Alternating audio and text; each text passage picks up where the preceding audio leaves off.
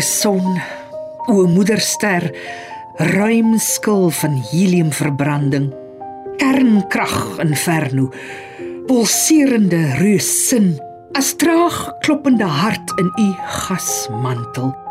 U trol, u beef, u loei sonwind en gas. U setel die sentrum.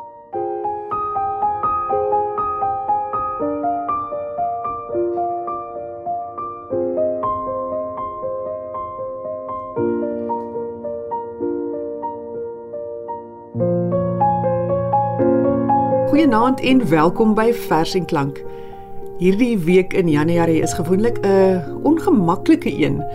In jou kop is jy nog iewers op vakansie. Daar lê selfs dalk nog 'n bietjie seesaantjies daar in jou motor daar onder by die voete rond.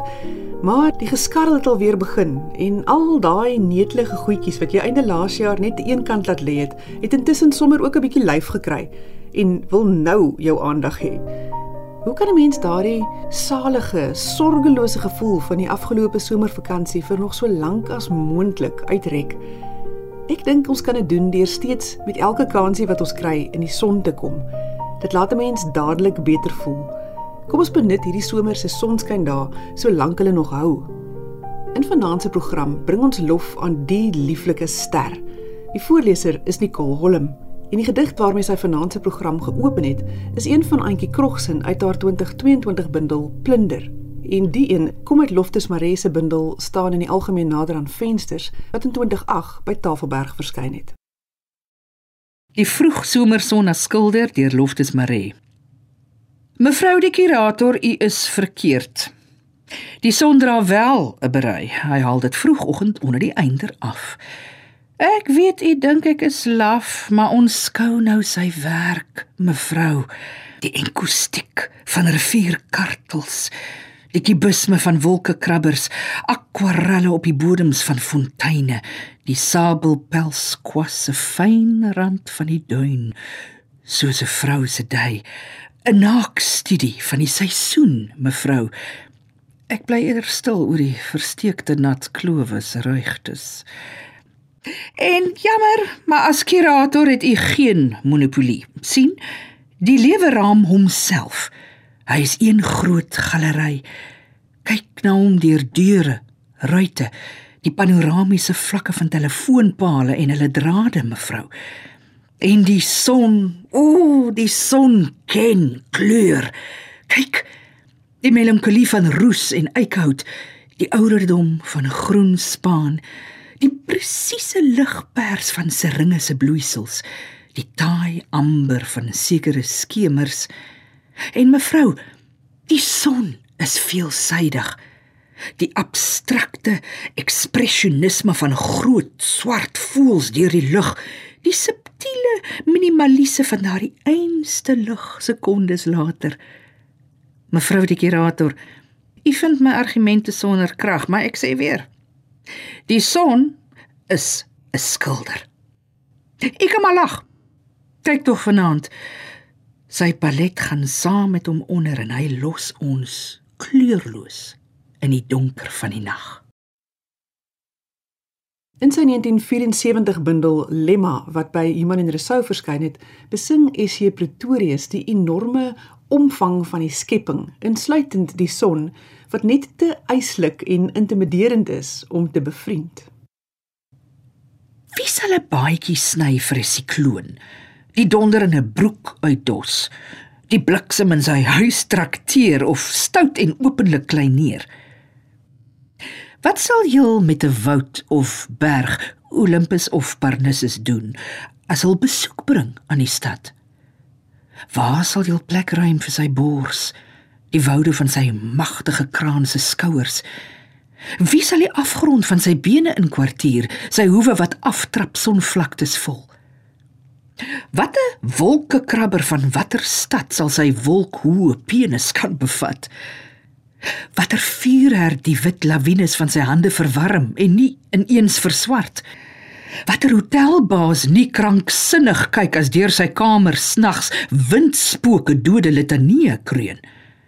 Watter vermetele haarkapper sal probeer sy donders en tornado's skeer? Wat 'n beampte die verkeer reël vir sy bandelose vaartes wat uitraas na sterre dieptes en afdonder in afgronde van nagdonkers.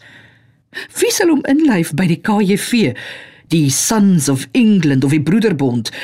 Wie sal hom op kantoor leer sit? Wie sal die son luseer om op die skouer klop en leer om maatskaplik te verkeer? Wie van die mini-meisie sal hom soos Tessalee in haar dal ontvang met blomme en aandsiggies hom voorstel aan haar oom of sê: "Hallo Apie, vat 'n kook." En voor sy lag sy gretigheid nie semele swart verbrand in die nag. Vir hom voel sy miljoene grade net gerieflik om sy kalfsvel baadjie aan te hou en sy groot angelierneus uit te snuit.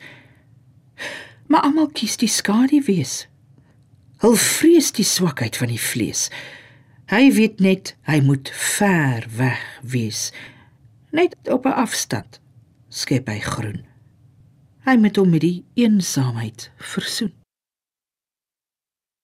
Die volgende ongetitelde gedig kom uit Evelyn Wessels se 1988 bundel Afsydige woestyn, uitgegee deur Perskor. Die son is ons lewe.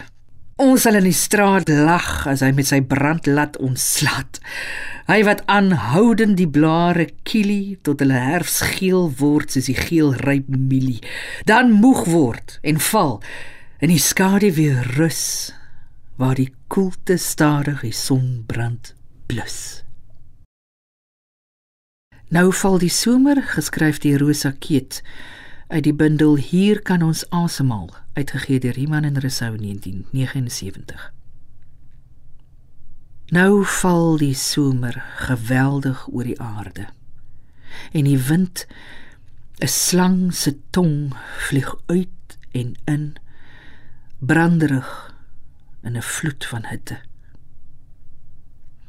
Ek bly in die koelte van 'n voorstad vol bome en ek kan skaars asemhaal totdat die son water trek of koninklik terugswaai na hemelse tyd. Nou val die son plegtig oor die aarde. Gewyd en ewig. Jy luister na vers en klank saam met my Sofia van Taak. En vanaand lees Nicole Holm vir ons gedigte voor oor die son. Elisabeth Eybers het vir meer as 4 dekades in Nederland gewoon en ons lees dikwels in haar gedigte hoe sy verlang na Suid-Afrika se klimaat. Die expats wat dalk nou luister, sal sekerlik kan saamgesels.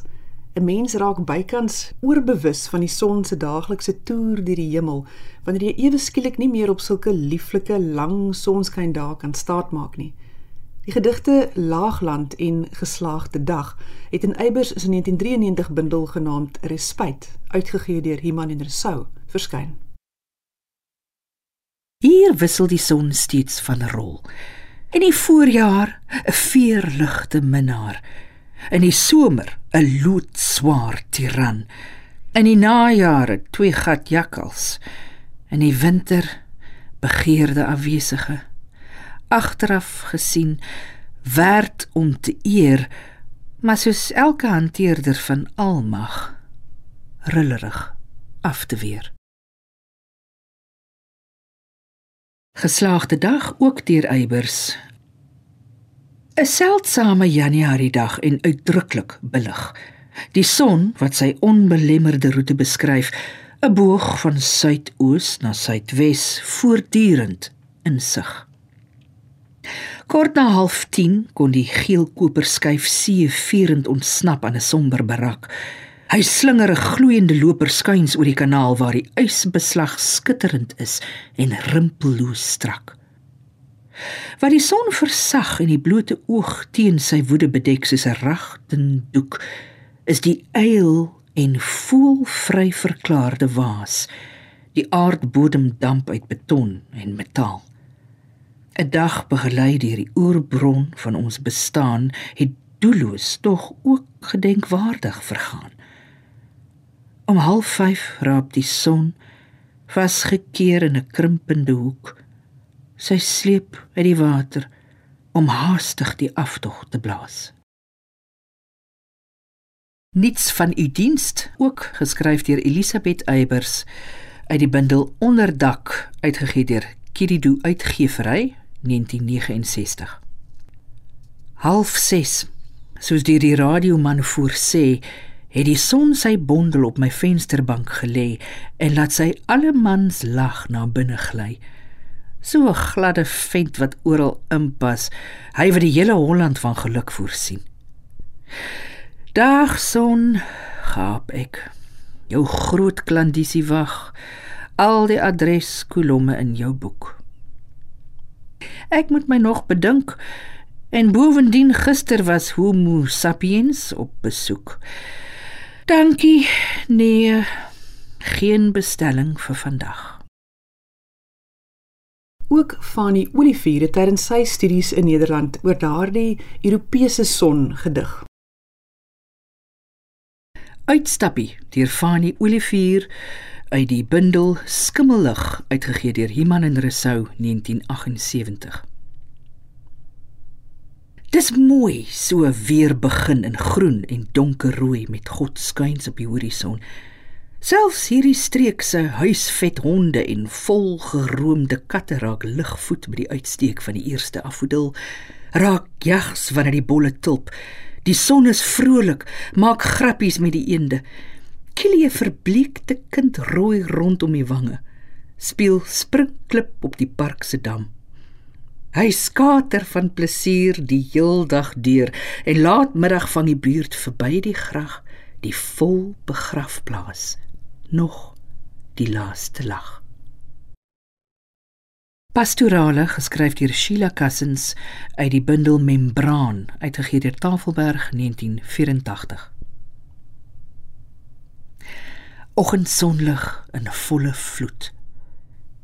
Dit spoel 'n slaapvertrek wyd oop wat ronduit is van 'n wit waskom en die rondheid van sy beker gekol met blou van koringblomme en gekring met 'n ryp geel kring. So vars, so nuut, oorweldigend, so puur dat ek net kan knipper kyk so hier na oor die labirinte die voel voel gange die strem om te sien ontwykende nie te onderskeie sinistere ou subtiliteite. Bloed is dit daardie swart of roet. Vermoedens, versweenhede. Patina oor vrees is dit en kultuur. En plotseling net die ene lig en ek wat koes, gesper people, want alles swem en blink, te blink. Ek moet nog wen aan suiwerheid. Aan oggend weer in volle vloed. Aan rondheid in 'n ryp geel kring en God. Aan net weer maklik wees. Protea Boekhuis het in 2002 'n versameling gepubliseer met die naam As die son kom oogknip ter viering van die sonsverduistering wat op die 4de Desember daardie jaar plaasgevind het. Fanny Olivier was die samesteller van die bundel en ek vra graag vir Nicole om vir ons 'n handvol van daardie verse voor te lees. As die son sy rybands nader trek, geskryf deur Erns Groenling. Soms word selfs die son in sy wentelende braaikokon moeg vir wat hy op die aarde sien as woede en weerlig ompla na 10. Tussen kernbomme en kuberkrakers en vullisdromme en vals orakels dwing die mensekinders se lag en huil die son om agter sy bril te skuil. By gebrek aan oogklap in sy hart, mm, die son is nie 'n seerower of perd, besluit hy om die wêreld deur 'n ryban te lees. 'n Son wil ook mos in die mode wees. Dit doen hy dan vir 'n kwartier of so en dwing ons om te loer na bo en verwonderd na die hemele kyk om te sien hoe die son agter sy sonbril lyk. Sonsverluistering geskryf deur Niels Jackson. Die kom en die gaan van die son en die maan lê afgemeet in wetenskaplikes se swaar formules. So word die eklips verklaar as die klipkoue maan voor ons son gaan staan. Maar daar is meer. Daar is luister as die oggend kort na 8 verduister. Daar is wonder aan 'n klein bietjie nag in die middel van 'n sonskyndag. Kyk. 'n Glinstering en vlammende kroon word 'n oomblik lank aan die hemel vertoon. Dit verswyg die syfers. Dit vra iets ligter, iets soos die towerwoorde van 'n digter. Geleentheidsgedig vir Galileo Galilei geskryf deur Tom Gous.